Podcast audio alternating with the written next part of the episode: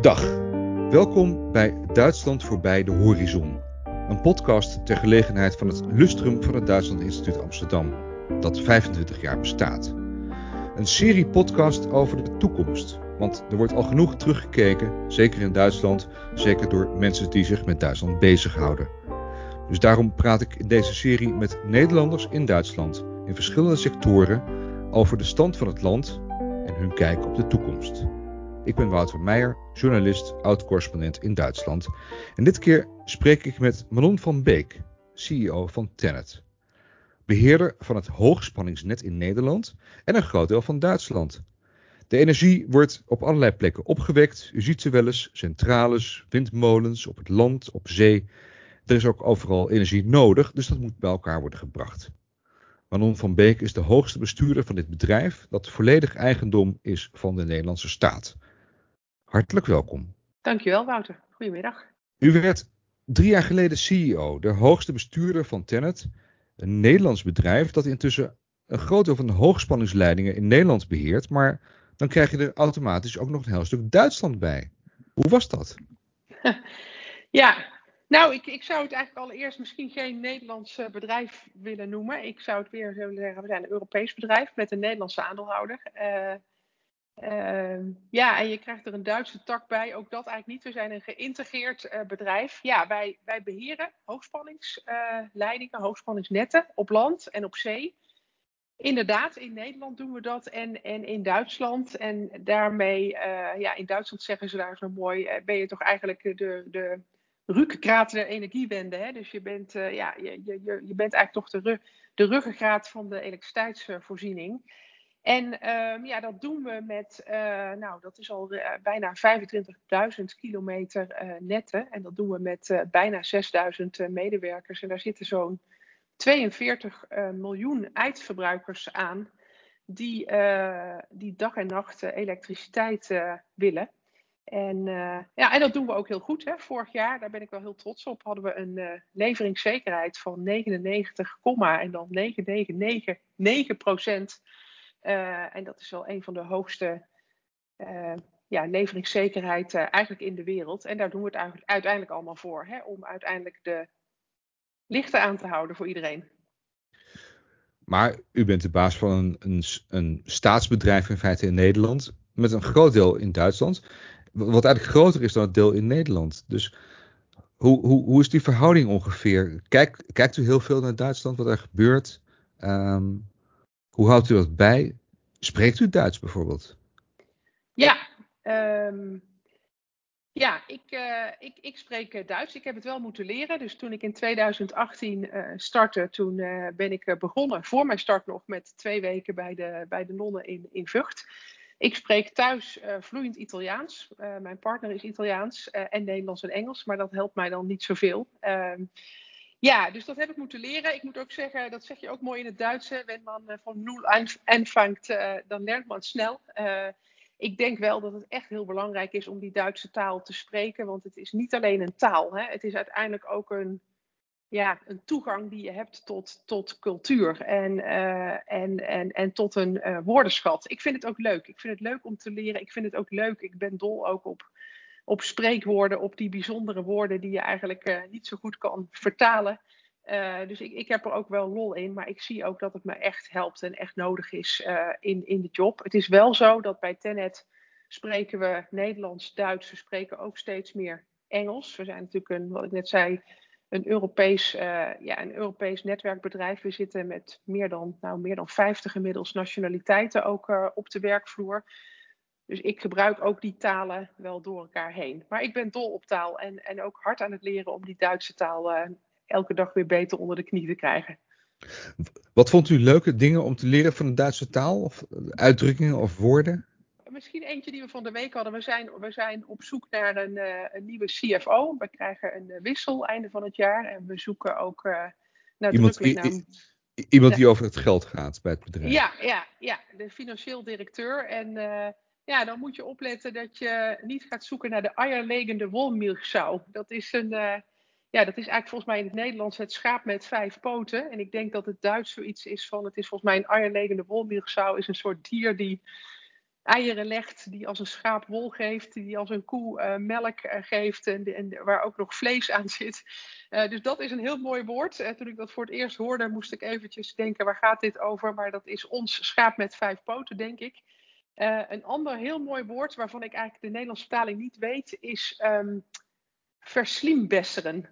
En, volgens mij uh, vertaal je dat ook als een soort van, ja, hoe zeg je dat in Duitsland? Ka kapot repareren, denk ik. Dus, dus eigenlijk iets, je probeert iets op een hele eerlijke, oprechte manier beter te maken of een plan te verbeteren, maar het wordt eigenlijk steeds erger. Het wordt eigenlijk steeds slechter. Um, ik, misschien weet jij het, ik weet niet hoe je dat in het Nederlands zegt, maar verslimbesseren is ook een heel mooi, heel mooi Duits woord. En als je dat dan een beetje uitvergroot over de, over de mensen, zijn, zijn die heel anders? Ik, ik, kan me, ik kan me namelijk ook voorstellen dat als vrouw uh, dit een bedrijf is met, met heel veel mannen. Uh, ja. In alle vormen van elektriciteit en, en hoogspanningsmasten en kabels. En dat, dat klinkt allemaal heel erg mannelijk. Ja en nee. Dus uh, om misschien daar even eerst op te reageren. ja, we hebben sowieso heel veel mensen nodig, mannen en vrouwen. de verhouding is nu ongeveer, het is volgens mij 76, 24 procent man-vrouw verhouding op dit moment ik ben er wel heel trots op dat we, ja, we hebben meer dan 35% vrouwen in de top, in onze top uh, 25. En ook in de Raad van Commissarissen, daar, daar, hebben zelfs, daar zijn drie van de vijf vrouwen. Dus er zijn ook heel. En we zijn op dit moment eigenlijk structureel al meerdere kwartalen meer dan 30% vrouwen per maand aan het binnenhalen. En, en wij recruiten ook echt veel. We hebben vorig jaar 800 mensen aangenomen. Dus uh, daar zijn we hard mee aan het werk. En, en ja, het heeft nog een zwaartepunt aan de mannelijke kant. Um, ja, jouw vraag, hoe is dat in Duitsland om daar, uh, om daar uh, te werken? Nou ja, dingen zijn zeker anders. Um, nou ja, we hadden het net over taal. Ik denk wat anders is, is toch dat het echt van groot belang is dat je de Duitse taal kent, begrijpt. Of dat je op zijn minst, weet je, kan starten in het Duits. Of dat je in, op zijn minst um, politici, mensen in het Duits kan laten spreken. Zodat je het in ieder geval kan, kan begrijpen. Dat is echt wel belangrijk. Ik denk dat fysiek contact en elkaar ook echt zien, dat was natuurlijk super uitdagend afgelopen jaar, maar dat dat ook echt wel belangrijk is in uh, Duitsland, misschien nog wel belangrijker. Het is ook altijd nog niet even goed gesteld met de staat van digitalisering om ook op goede kwaliteit video meetings uh, te doen, alhoewel ook dat erg is veranderd afgelopen jaar. En, en wat ook echt anders is, denk ik, toch een enorme behoefte om uh, ja, dat het gesproken woord, eh, vertrouwen en een afspraak die je maakt niet voldoende is dat alles enorm met documenten en liefst met blauwe handtekeningen erop ja, wordt, wordt opgeschreven. Um, wat ik wel heel leuk vind in Duitsland uh, werken is dat als je moeite doet, als ik moeite doe om, om het echt voor te bereiden, om dingen, uh, ja, om het te verdiepen, ook in de Duitse taal en ook in de situatie of het gesprek goed voor te bereiden, dat je in Duitsland dat dat enorm wordt gewaardeerd, enorm wordt gerespecteerd. Dat ze ook met veel geduld luisteren naar mijn sympathische Duits, geloof ik, zoals ze het dan noemen. Ja, en dat je enorm uh, ja, welkom voelt eigenlijk, ondersteund voelt, ehm, begeleid wordt als je daar komt. Dus dat is echt wel, nou, dat vind ik wel heel positief. Um, ja, en, verder, ik, ik denk als, als Nederlanders krijg je toch vaak mee dat je jezelf ook niet al te serieus moet nemen. Ik denk in Duitsland is het toch wel belangrijk dat je toch mensen ook wel heel serieus neemt. Dat is ook wel een soort grappig verschil. Ze, ze, vinden, ze vinden ons natuurlijk vaak heel erg leuk en lief en met je accent. En dat, dat ze ons wel kennen van de, van, van de caravans en, de, en, en, en, uh, van de vakanties. Um, maar intussen is er in Nederland eigenlijk ook wel een grote fascinatie met die energiewende. Uh, dat er in Duitsland zoveel wordt gedaan. En Duitsland eigenlijk voorop loopt uh, in heel veel aspecten van uh, duurzame energie, van, van, van wind en, en zonnekracht. Merk je dat als je vanuit Nederland kijkt, dat je denkt Duitsers zijn daar veel verder mee? Ja, ik denk uh, uh, Duitsland is ambitieuzer hè, en is ook uh, verder dan wij zijn in Nederland. Als je echt kijkt naar de ambities op het gebied van klimaat en, en energiewende. In Duitsland is, is men ook gewoon al verder. Hè? Als je gewoon kijkt naar het aandeel duurzame elektriciteit in de mix, dan zijn we daar absoluut verder. Angela Merkel is natuurlijk ook al na de, de Fukushima-ramp nou, gewoon radicaal gestart, gestart hè, met wat ze daar noemen de atoomaustiek. Kerncentrales zijn nagenoeg stilgelegd. Er wordt natuurlijk daar nu gesproken over de kolenaustiek, waarbij we ook al richting 2038 ook die volledig uitgefaseerd willen hebben. En ik denk zelfs dat het nog sneller moet als je weer kijkt naar de recente ontwikkelingen. Dus dat is echt een verschil. In Nederland hebben we gewoon echt veel minder duurzame elektriciteit. Uh, alhoewel wij natuurlijk nu bezig zijn met een, met een inhaalslag.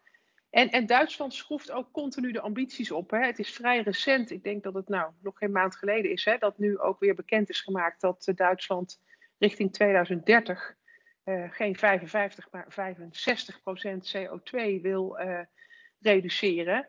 En um, nou, dat zeggen ze dan niet alleen. Ze doen ook wel uh, ook echt commitments. Hè? Als ik nog één voorbeeld mag geven. Uh, de Duitse staat heeft ook heel recent gezegd: Oké, wij vinden waterstof belangrijk. en wij hebben 61 projecten geselecteerd. En daar trekken wij 8 miljard voor uit. Ja, ik denk dan wel eens van. Hoe ziet ons volgende kabinet dat in Nederland? En gaan wij zo'n mooi voorbeeld ook, ook, ook volgen. Ik, ik, ik, denk, ik denk wel eens in Nederland wat, wat in Nederland wel ontbreekt. En ik, uh, is denk ik uh, ja, af en toe een, een echt duidelijke roadmap en echt duidelijke prikkels. En ook financiële prikkels om bijvoorbeeld de industrie te verduurzamen. Hè? Dus industriepolitiek. Uh, dat is ook eigenlijk zo mooi. Waar, waar, waar, ligt dat, waar ligt dat dan aan? Is, is de, het bewustzijn in Nederland minder? Of uh, is de politiek niet zo streng? Of moet het niet van de rechter? Want dit, dit gaat heel veel, intussen gaat het heel vaak over uitspraken van rechtbanken die uh, zeggen dat de overheid meer moet doen. Ja, nou, Duitsland heeft denk ik gewoon al, al, ja, weet je, al, al de afgelopen tientallen jaren natuurlijk echt de voortrekkersrol genomen. Als natuurlijk ook groot land en grote, uh, grote economie in Europa op die energiewende. Uh, ja, wij, uh, nou ja, hoe zei laatst dat nou iemand ook met, met een lach? Um, dat is ook zo'n zo'n zo'n spreekwoord. Nou weet ik dat niet meer in het Duits, maar het komt erop neer. Hè, als vroege vogel heb je vaak de eerste worm te pakken. En, en hoe zeggen ze dat? De tweede muis pakt vaak de kaas. En dan werd ook gerefereerd naar, naar Nederlanders. Van, kijk, nou, kijk bijvoorbeeld naar de wind op zee agenda. Hè, dus de, de, de, de wind op zee die bij die Tenet ook aansluit. Hè, om duurzame energie van zee aan land te brengen. Ja, daar zijn ze echt mee gestart in, in Duitsland al jaren geleden, heel succesvol. Ja, weet je, dat stelt ons nu wel in staat, ook in Nederland. Uh, wij zijn natuurlijk nu druk bezig hè, met borstelen uh, en bij IJmuidenver. Dus om ook daar wind op zee aan te sluiten en duurzame elektronen naar de kust te brengen. Ehm, ja, daar kan je ook zeggen, daar zijn we de tweede muis. Um, um, ja, die, die natuurlijk al die leerervaringen en toch ook het leergeld wat soms in Duitsland uh, is betaald, daar, daar plukken wij in Nederland wel de vruchten van. Dus wij kunnen die inhaalslag ook maken door wat in Duitsland op het gebied van energiewende heeft plaatsgevonden. Nou is er natuurlijk een oordeel gekomen uh, een paar weken geleden van het Duitse constitutionele hof. De, de, de, hoogste rechter in Duitsland die heeft gezegd van de regering moet eigenlijk meer doen tegen de klimaatverandering. En het merkwaardige was dat daarna allerlei mensen gingen zeggen dat ze dat ook wilden. En uh, alle partijen ongeveer om het hoogste gingen bieden. Zelfs ook de, de CDU, de, partij van, van bondskanselier Merkel, die uh, al jarenlang regeert, maar die ook nog gingen zeggen van wij vinden eigenlijk dat het te langzaam gaat. Uh, dat, dat was hun, hun reactie op dat oordeel. Um, Armin Laschet, die waarschijnlijk hoopt dat hij uh, Merkel op mag volgen. Die, die, die zei, als we zo doorgaan, dan halen we de doelen niet. Hij heeft het over een entwisselingspakket. Dus een, een overheid die de boel moet lostrekken. Minder bureaucratie, meer snelheid. Anders halen we de doelen niet. Für uns ist unabdingbar, wir werden das alles nur schaffen, mit Entfesselungspaketen, mit einer Beschleunigung von Planungs- und Genehmigungsverfahren bei Stromtrassen, bei Schienenwegen, bei der Ladeinfrastruktur. Deutschland muss besser, schneller und unbürokratischer werden. Wenn wir so arbeiten, wie wir bisher arbeiten, werden wir die ambitiösen Klimaziele nicht erreichen. Und deshalb muss auch das Planungsrecht hier verbesserd werden. Nou, kijk, ik, uh, kijk ik, wij, zien ook dat die opgave heel groot is. En, en ook dat je tegen grenzen uh, aan gaat lopen, aan, aan kan lopen. En ik denk. Uh, ik denk ook als je kijkt de afgelopen jaren, hè, tot nu toe kan je ook zeggen, hebben we de, de makkelijke oplossingen nog kunnen invullen. Uh, maar het wordt, het wordt steeds moeilijker. En, en er is ook steeds meer weerstand. Hè? Dus wij willen met z'n allen die energie wenden. maar gelijktijdig als het gaat om acceptance, hè, en, en wil je dat ook in je achtertuin, of door je dorp, dan wordt het toch een ander verhaal. En dat proces, en dat, dat, dat, uh, wat ook Armin Laschet dan aangeeft, weet je, dat is heel ingewikkeld. En die procedures nemen heel veel tijd in beslag. Ik, ik denk zelf wel eens, uh, weet je, aan de ene kant is acceptatie heel belangrijk. Is het ook heel belangrijk dat je al die nou ja, inspraakprocedures en participatie doorloopt. Maar draagvlak creëren, dat wil in mijn ogen in de toekomst niet zeggen dat 100% en iedereen er gelukkig mee uh, moet zijn. Want dan, dan kom je gewoon niet verder. Hè? Als, als ik bijvoorbeeld kijk naar een, een hoogspanningsstation, hè, dan, dan zijn wij, uh, als je dat wil realiseren, dan, dan moet je je voorstellen dat we zo'n zes jaar bezig zijn met de voorbereidingen, de locaties, de procedures, alle eisen waar we aan moeten voldoen. En dan hebben we daarna nog zo'n anderhalf, twee jaar nodig om het daadwerkelijk te bouwen. En het is, het is soms wel zo dat we ook in Duitsland. Um, dat we voor de realisatie van een hoogspanningsverbinding. Soms loopt dat door al die beroeps- en hoge beroepsprocedures op tot 15 jaar. Um, dus dat is absoluut een aandachtspunt. En wordt er wel eens gekeken van kunnen wij nog sneller bouwen? Maar je moet eigenlijk kijken naar die volledige 8 tot 10 jaar. Hoe kunnen we ook zorgen dat mensen kunnen participeren en dat er inspraak is? Want daar moeten we heel trots op zijn natuurlijk als, als landen dat we dat hebben. Um, maar je moet denk ik wel draagvlak creëren, maar iedereen altijd gelukkig maken, elke individuele inwoner. Ja, daar moet je op een gegeven moment toch, denk ik, een andere manier van hoe weet je dat individueel belang en uiteindelijk ook het publieke belang tegen elkaar af. En um, dat is een heel belangrijk aandachtspunt. En daarnaast, weet je wat ook belangrijk is, dan kijk ik ook naar mezelf. Weet je, we moeten echt kijken hoe we aan geschikt personeel komen. Tienduizenden mensen zijn er nodig. Uh, verwacht de komende jaren echt te groeien tot, uh, tot zeker 10.000 uh, mensen. We zitten nu met uh, 6.000 collega's, nog naast alle mensen die we inhuren. Dat is hartstikke belangrijk. Het zijn ook heel veel kansen, dus niet alleen voor Tenet, maar voor die hele technische sector. Dus je moet ook op een andere manier naar je talent gaan kijken. Mannen, vrouwen, omscholing. Um, um, en ook daar kan de overheid stimuleren trouwens. Ja, ja, maar ik, ik, ik wil toch even terug naar, die, naar, naar, naar Laschet, die dat zegt en die dus niet iemand is. Um, het is niet iemand van de Groenen die dit zegt. Het is niet iemand van de jongeren voor klimaat en die, die scholieren die altijd demonstreren. Dit is iemand die de leider wil worden van Duitsland en um, van een conservatieve partij komt. En die zegt, het gaat niet snel genoeg, we moeten het sneller doen. Zijn het mooie weerpraatjes? Nee, ja, goed. Ik denk dat wij allemaal uh, sneller willen. Ik denk dat het ook wel belangrijk is te weten, weet je, als ik ook kijk naar ons bedrijf, we zijn al aan het versnellen. Hè? Als ik zei, we zijn bezig om ons voor te bereiden de komende jaren op, op investeringen van 4 tot 6 miljard per jaar. We hebben dit jaar een recordjaar gehad met 3,5 miljard investeringen en we zijn ons aan het voorbereiden. We zijn aan het recruiten voor recordjaar na recordjaar. Dus bedrijven ook, men, men, we zijn bezig met, met versnelling. Um, um, ja, je zei, is dat, is dat mooi weerpraat? Uh, nou ja, ik, ik, denk versnellen, dat, dat doe je met elkaar. Uh, uiteindelijk is het ongelooflijk belangrijk dat maar, politiek. Maar de vraag, uh, de vraag is steeds, wie neemt het initiatief? Want u, u beheert een, een, een staatsbedrijf, dus u moet alles doen wat de overheid bedenkt. Maar er zijn heel veel mensen uh, die dat niet zo snel willen. En je zit steeds in die, in die spagaat tussen mensen die sneller willen, meer, meer maatregelen, meer uh, groene energie. En ook mensen die dat niet willen.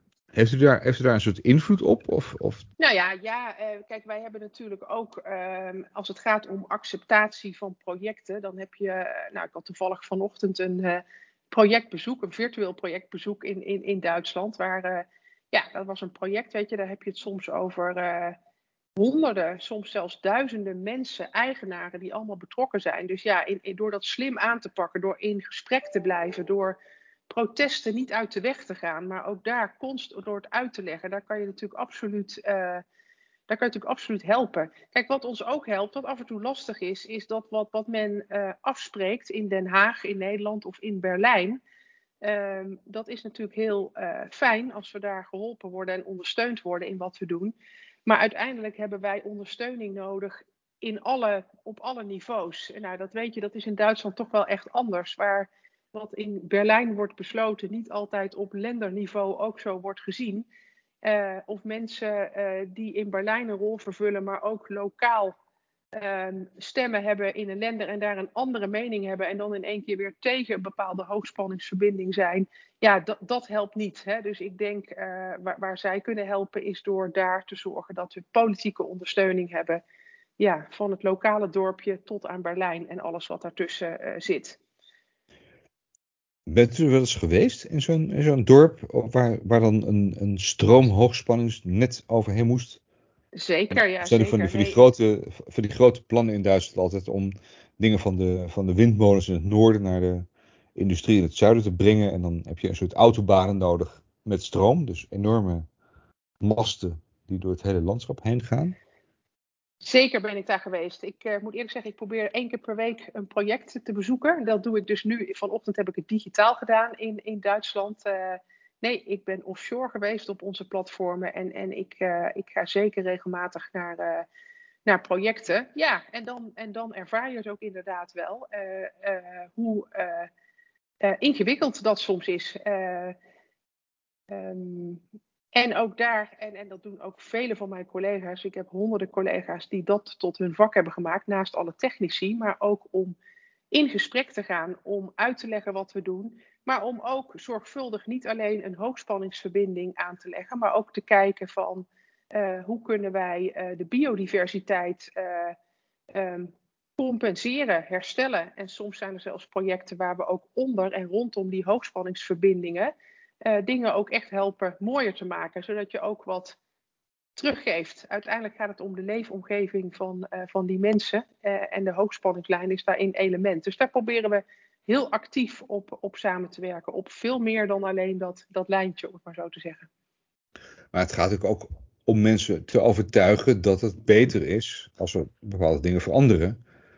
En dat ze niet moeten blijven zitten in, in de situatie waarin ze nu zijn. Dus u moet ook steeds waarschijnlijk die, die transitie uitleggen. U moet steeds uitleggen waarom dat gebeurt.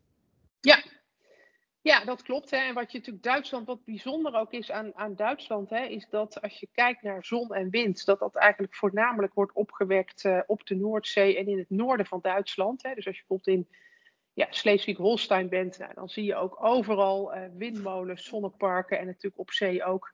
Uh, terwijl de grote verbruikscentra, dus daar waar die elektriciteit nodig is, natuurlijk uh, een zwaartepunt heeft in het, uh, in het zuiden. En dan moet je dus in het noorden uitleggen dat ja, alles wat daar staat, dat dat nodig is voor het zuiden. dus dat is natuurlijk nog een soort aparte dimensie die echt wel anders is dan in Nederland, hè, waar dat meer verspreid is. Ja, absoluut. Ja. En hoe is dan de, de, samenwerking met de overheid? Want de overheid bepaalt in feite wat u moet doen in Nederland ook, want u bent een staatsbedrijf. Um, moet u eigenlijk alles doen wat de Duitse overheid zegt? Of kunt u zelf daar, heeft, een soort invloed op? Dat u kan zeggen, nou, dit lijkt me nu even geen goed idee. Ja, uh, je, hebt, je hebt zeker ook invloed, maar dan moet je wel in de, in de tijd uh, kijken. Dus uh, ik zei, wij zijn eigenlijk al bezig ja, bij, bij, ons is 2030, is, ja, ik zei laatst dat 2030 morgen is, maar toen zei mijn operationeel directeur, ja, 2030 is eigenlijk gisteren. Al die plannen zijn eigenlijk al, al in uitvoering, in planning. Het gaat over hele, lange, hele lange termijn. Ja, het gaat over lange termijn, maar op 2050... Ook veel, ook veel, lang, veel langer dan, dan een regering uh, nu als, je, als je denkt aan vier jaar kabinet, volgend kabinet, vier jaar. U kijkt veel langer. Klopt. Nee, dus uh, wij kijken over die horizon heen. Maar op, op die langere termijn kun je natuurlijk wel degelijk uh, inzichten bieden. Hè? Dus als, als ik ook kijk, nou bijvoorbeeld even aan de Nederland. We hebben recent samen met, uh, met GasUnie ook gekeken en met de Nederlandse netbeheerders gekeken naar de. Weet je, hoe ziet het energiesysteem in 2050 zelfs? Hoe ziet dat, er, hoe ziet dat eruit? En hoe kunnen we dat slim met elkaar vormgeven? Hè? En, en, en, en het gaat niet alleen om, uh, hoe, hoe zeg ik dat? Je, je moet natuurlijk um, uiteindelijk elektriciteit, uiteindelijk gaat het om energievoorziening. Dus hoe, hoe kijken we ook in de toekomst aan naar, naar waterstof? Dus uiteindelijk, wij proberen te kijken naar een integraal beeld. En daar kan je absoluut de, de overheid adviseren. Maar uiteindelijk, en daar zit weer die afhankelijkheid, uiteindelijk zijn het politieke keuzes, maatschappelijke keuzes. En uiteindelijk neemt de overheid een besluit en dan staat het in de wet en dan is het daarmee een verplichting voor Tenet om dat te bouwen, te onderhouden. Uh, dus op korte termijn, ja, uh, hebben wij verplichtingen. Op lange termijn kunnen we dat zeker beïnvloeden. Ja, u, u praat met de overheid en die is eigenlijk de opdrachtgever. En tegelijkertijd moet u die overheid ook een beetje adviseren. Hoe, hoe verloopt dat? dat? Dat je iemand moet, moet vertellen eigenlijk, want u, u weet waarschijnlijk veel beter wat er gebeurt in de wereld. Um, dat je aan de overheid moet vertellen wat zij zouden moeten vragen.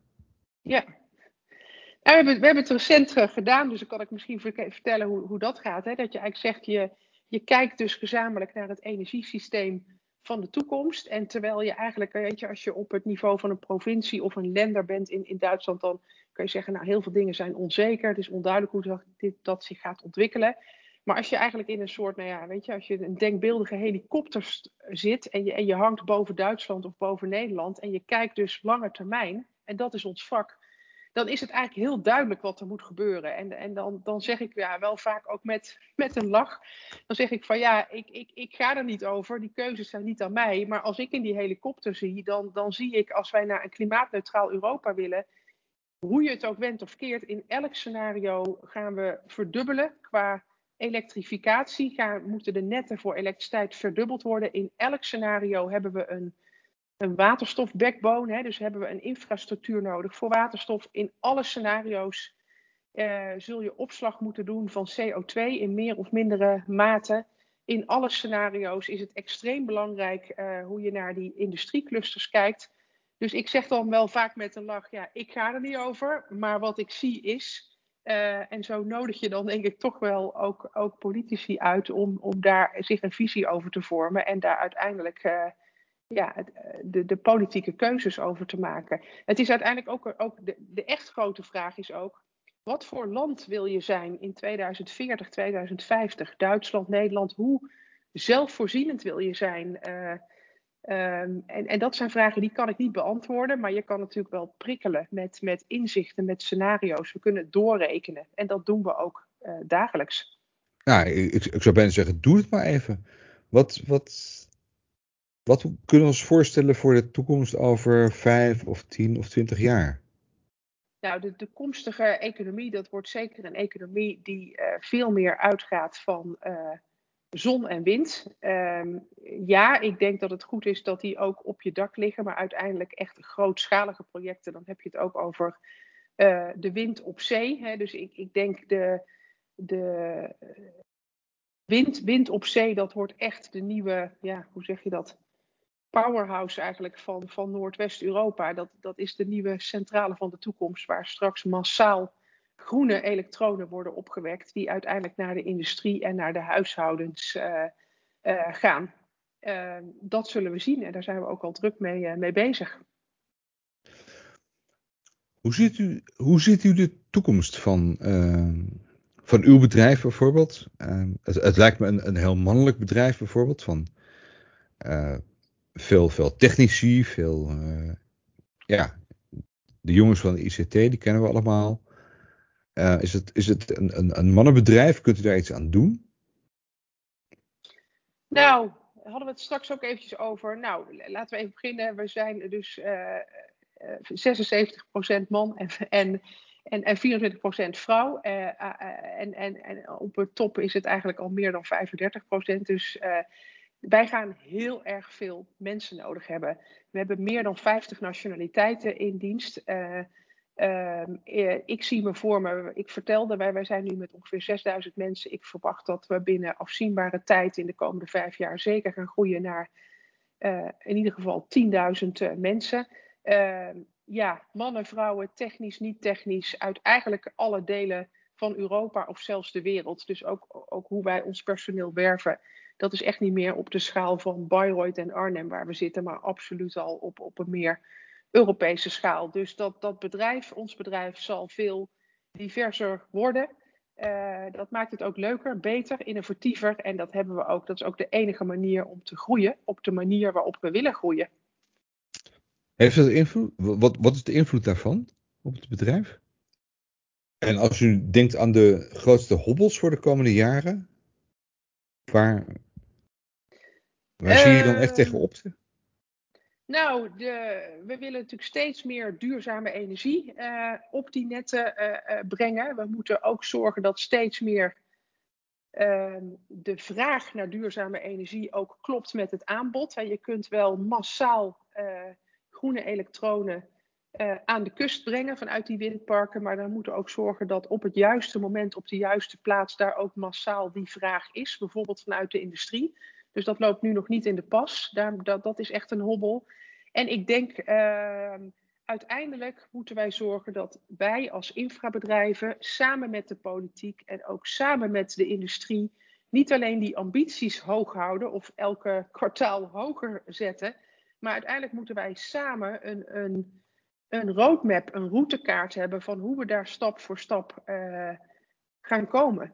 Dat is de grote uitdaging. En daar ook niet naar elkaar gaan zitten wijzen, maar ook kijken hoe kunnen we elkaar ja, vasthouden, maar niet, uh, ja, maar niet gevangen houden. Hè? Dus bijvoorbeeld de industrie die zegt, ja, wij kunnen niet verduurzamen, want er is geen netwerk. En de netwerkbedrijven zeggen, ja, wij kunnen niet aansluiten, want er is geen aanvraag. Ja, dan kom je niet verder. Dan, ja, alsof iedereen, iedereen naar elkaar wijst en je nergens iemand schuld, schuldig is. Ja, en, en, en daar heb ik eigenlijk ook een broertje dood aan zelf. Hè. Dus om een voorbeeld te geven hoe we dat dan, wat we dan nu aan het doen zijn. Dus bijvoorbeeld zo'n industrie die zegt, ja, ik kan nog geen aanvraag doen voor een aansluiting, want ik ben nog niet zover. Uh, en, en wij zeggen, ja, weet je, ik, uh, dan kunnen wij ook niet verder. Nou, wat we daar nu bijvoorbeeld gedaan hebben, dit is dan een voorbeeld in Nederland, in de provincie Zeeland, waar we gezegd hebben, oké, Stel dat jullie eh, gaan elektrificeren en dat gaan verduurzamen. En stel dat jullie een aansluiting nodig hebben op een 380 kV, hè, dus 380.000 volt net. Nou, dan hebben wij straks uh, orde grootte één of twee voetbalvelden aan terrein nodig. Dus laten we vast samen gaan zoeken. Jullie zetten de mensen op in, wij zetten de mensen op in. En mochten we dan over twee jaar dat gevonden hebben en, en, en uh, die bestemmingsplannen, dat we dat met elkaar geregeld hebben, nou dan kunnen wij TZT, als het allemaal doorgaat, uh, die kosten overnemen en, en, en dan kunnen we heel snel doorstarten. Ja, dat soort investeringen, dat is investering in menskracht, dat kost een paar ton. Dan kun je zeggen dat is veel geld, dat is het ook. Maar op, op het grotere geheel van zo'n station, wat dan straks honderden miljoenen gaat kosten, en ook met het belang van de snelheid, is dat dus heel erg de moeite waard van hoe kunnen we nu al samen investeren om ons dan op een later stadium, als we het zeker weten, naar elkaar toe te, te committeren. Dat zijn wel dingen waar we nu mee aan de slag zijn. En daar heb je elkaar dus allemaal nodig. Politiek, industrie, netwerkbedrijven. En er zijn binnenkort verkiezingen in Duitsland. Um, en de vraag is natuurlijk altijd in Duitsland ook: willen mensen dat het sneller gaat? Die, die mensen zijn er. Mensen die willen dat het niet zo snel gaat zijn er ook. Hoe hou je daar het evenwicht in? En wat, wat, wat zou je zeggen voor de toekomst? Um, hoe hou je die mensen bij elkaar? Ja, ik, ik denk uiteindelijk, weet je, het vraagstuk van de energietransitie, en we hadden het straks al over 2040, 50, is eerlijk gezegd een vraagstuk wat over de grenzen van politieke partijen heen zou moeten gaan. Ik denk in Duitsland is het natuurlijk nog afwachten, weet je, wie de nieuwe bondskanselier wordt. Uh, uh, de Groenen, die zijn daar natuurlijk nu heel actief. Uh, dat, dat is natuurlijk ook een hele um, realistische partij. Ik, ik, denk, ja, hoe dan ook, weet je, hoe je het ook bent of keert, klimaat en energie is een ongelooflijk belangrijk thema, ook in Nederland op de formatietafel. Uh, ik denk uiteindelijk wat echt belangrijk is, ja, we kunnen het eens worden met elkaar in Den Haag of in Berlijn wat we willen, maar uiteindelijk moet het gebeuren in de regio en in Duitsland op lenderniveau. Dat is uiteindelijk waar het moet worden uitgevoerd en dat is het waar je ook acceptatie en uiteindelijk samenwerking nodig hebt. Samenwerking is in mijn ogen toch wel het woord. En dan niet alleen tussen politieke partijen, dat sowieso op dit thema, daar is het te belangrijk voor.